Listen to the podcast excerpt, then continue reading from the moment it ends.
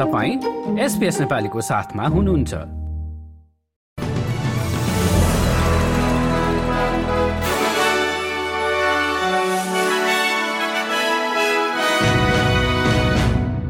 नमस्कार एसपीएसको मंगलबार उन्तिस नोभेम्बरको समाचारमा हार्दिक स्वागत छ। म कृष्ण पोखरेल सुरुमा आजका मुख्य समाचार।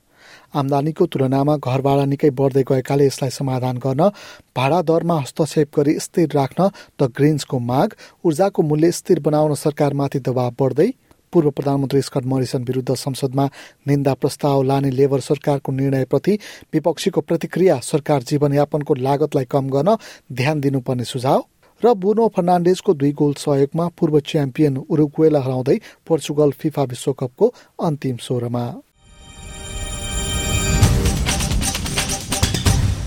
अस्ट्रेलियामा मानिसहरूको आमदानीको तुलनामा घर भाडा निकै बढ्दै गएकाले यसलाई समाधान गर्न भाडा दरमा हस्तक्षेप गरी स्थिर राख्न द ग्रिन्सले माग गरेको छ।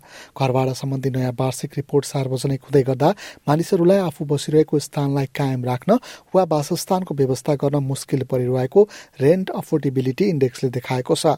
ग्रिन्समा बसोबास र भाडा सम्बन्धी हाउसिङ एन्ड रेन्टर्सकी प्रवक्ता जेनी लियोङले भाडामा बस्न निकै महँगो पर्दै गएको र बजारलाई स्वतन्त्र छाडिदिँदा समस्या झनै बढ्दै जाने बताइन् Just weeks ago, the Greens pushed to end no grounds evictions and give renters security by Christmas, but shamefully that was blocked by the Liberal government and New South Wales Labor. We know that leaving renters to struggle with astronomically high rents and minimal protections is a political choice, and we're saying that politicians need to recognise the crisis our community is facing, stop giving special treatment to investors and developers, and instead पूर्व प्रधानमन्त्री Scott मरिसनले आफ्नो कार्यकालका बेला विभिन्न गोप्य मन्त्रालयहरूमा आफ्नो उपस्थिति जनाएको विषयप्रति अल्बानिजी सरकारले निन्दा प्रस्ताव संसदमा लिएर जाने विषयमा विपक्षीले प्रतिक्रिया जनाएको छ।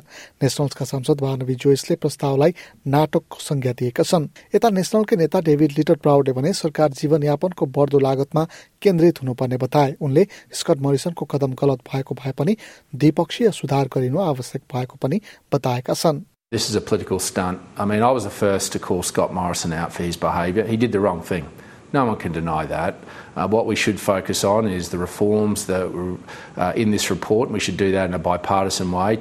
संयुक्त राष्ट्रसङ्घको एक रिपोर्टले ग्रेट ब्यारियर रिफको संरक्षणका लागि आवश्यक कदम नचालिएको भन्दै यसलाई खतराको सूचीमा राखिनुपर्ने रिपोर्ट सार्वजनिक गरेपछि संघीय र राज्य सरकारबाट यसको प्रतिक्रिया आएको छ। संघीय वातावरण मन्त्री टान्या प्लिसबर्ग सिनेटर निटा ग्रेड क्विन्सल्याण्डकी वातावरण मन्त्री मेगन स्क्यानलोनले संयुक्त विज्ञप्ति निकाल्दै अघिल्लो सरकारले आवश्यक कदम नचाल्दा यो अवस्थाको सृजना भएको बताएका छन्।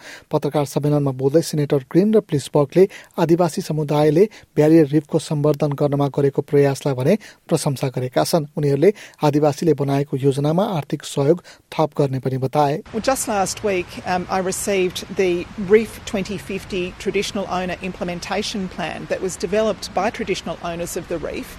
Um, describing how they want to work with government in partnership to protect and manage uh, the place that they have called home for tens of thousands of years. We're investing an extra $27.3 million in the implementation of this plan.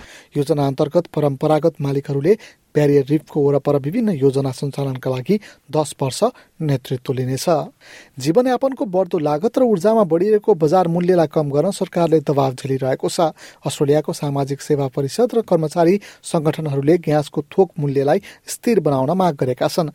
यसो नगरिए व्यवसायहरू बन्द गर्ने अवस्थामा पुग्ने उनीहरूको भनाइ छ। संस्थाहरूले प्रत्येक गिगाजुल बराबर आठदेखि दस डलर कायम गर्न माग गरेका छन् जबकि मूल्य अहिले तीन गुणा बढी छ। अस्ट्रेलियन काउन्सिल अफ सोसल सर्भिसकी प्रमुख सान्डा गोल्डीले कोइला र विद्युतका साथै घर र व्यवसायीहरूलाई ऊर्जाको कम खपतका लागि योजना ल्याउनु पर्ने सुझाव दिइन् On the government's own analysis, we're going to see a 56% increase in electricity over the next two years off the back of dramatic rises already, both to the wholesale price of energy, including gas, and also those bills that are hitting people in their back pocket and they cannot afford एक नयाँ रिपोर्टले अस्ट्रेलियाका कामदारहरू आफ्नो रोजगारदाता सामु आफ्नो आसक्तताका बारेमा खुलेर बोल्न नसक्ने देखाएको छ। विभेद र खराब व्यवहार गर्ने डरले कामदारहरूले आफ्नो समस्या रोजगारदातालाई राख्न नसक्ने उक्त रिपोर्टले देखाएको हो। डिजेबिलिटी डाइभर्सिटी र इन्क्लुजिभिटी इन्डेक्सले आसक्तता भएका त्रिपन्न प्रतिशत अस्ट्रेलियन कामदारहरूले रोजगारदाता सामु आफ्नो समस्या बताउन नसकेको देखाएको छ। तीस प्रतिशतले भने आफ्नो समस्या रोजगारदातालाई सुनाउँदा झनै नकारात्मक असर परेको बताएका छन् बयासी प्रतिशत व्यवसायले आसक्त र सबलका बीचमा कुनै पनि भिन्नता नगर्ने बताइरहँदा नतिजाले कार्यस्थलमा भनाइ र गराइका बीचमा भिन्नता देखाइदिएको छ आँखा नदेख्ने बिस वर्षीय बेन जोन्सनले आफ्नो अनुभव यसरी सुनाए A lot of the companies that worked for hadn't um, worked with someone with a disability, let alone a full vision impairment.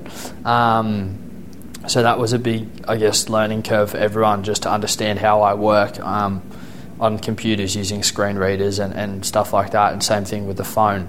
Um, so I guess a lot of that was, I guess, the biggest hurdle coming into it. एपीएमले Dear Bose नामक नयाँ अभियानको सुरुवात गरेको छ जसले रोजगारदाताहरूलाई आवश्यक कदम चाल्न प्रोत्साहित गर्नेछ।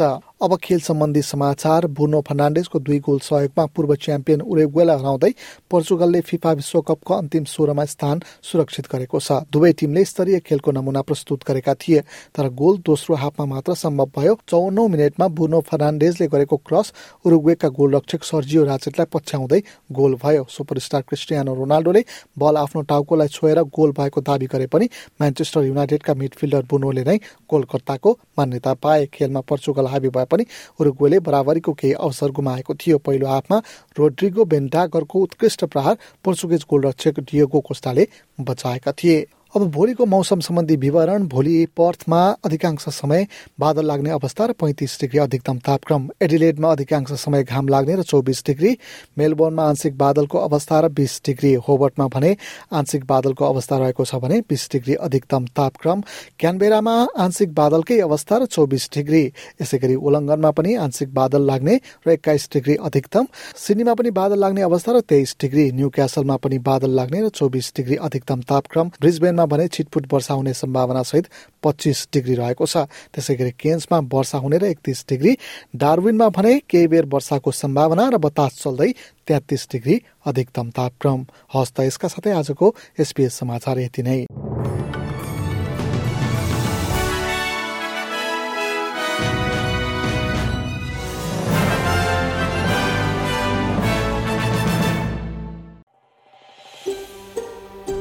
यो जस्तै अन्य प्रस्तुति सुन्न चाहनुहुन्छ? एप्पल पोडकास्ट गुगल पोडकास्ट स्पोटिफाईमा हामीलाई खोज्नुहोस् वा तपाईँले पोडकास्ट सुन्ने अन्य सेवामा।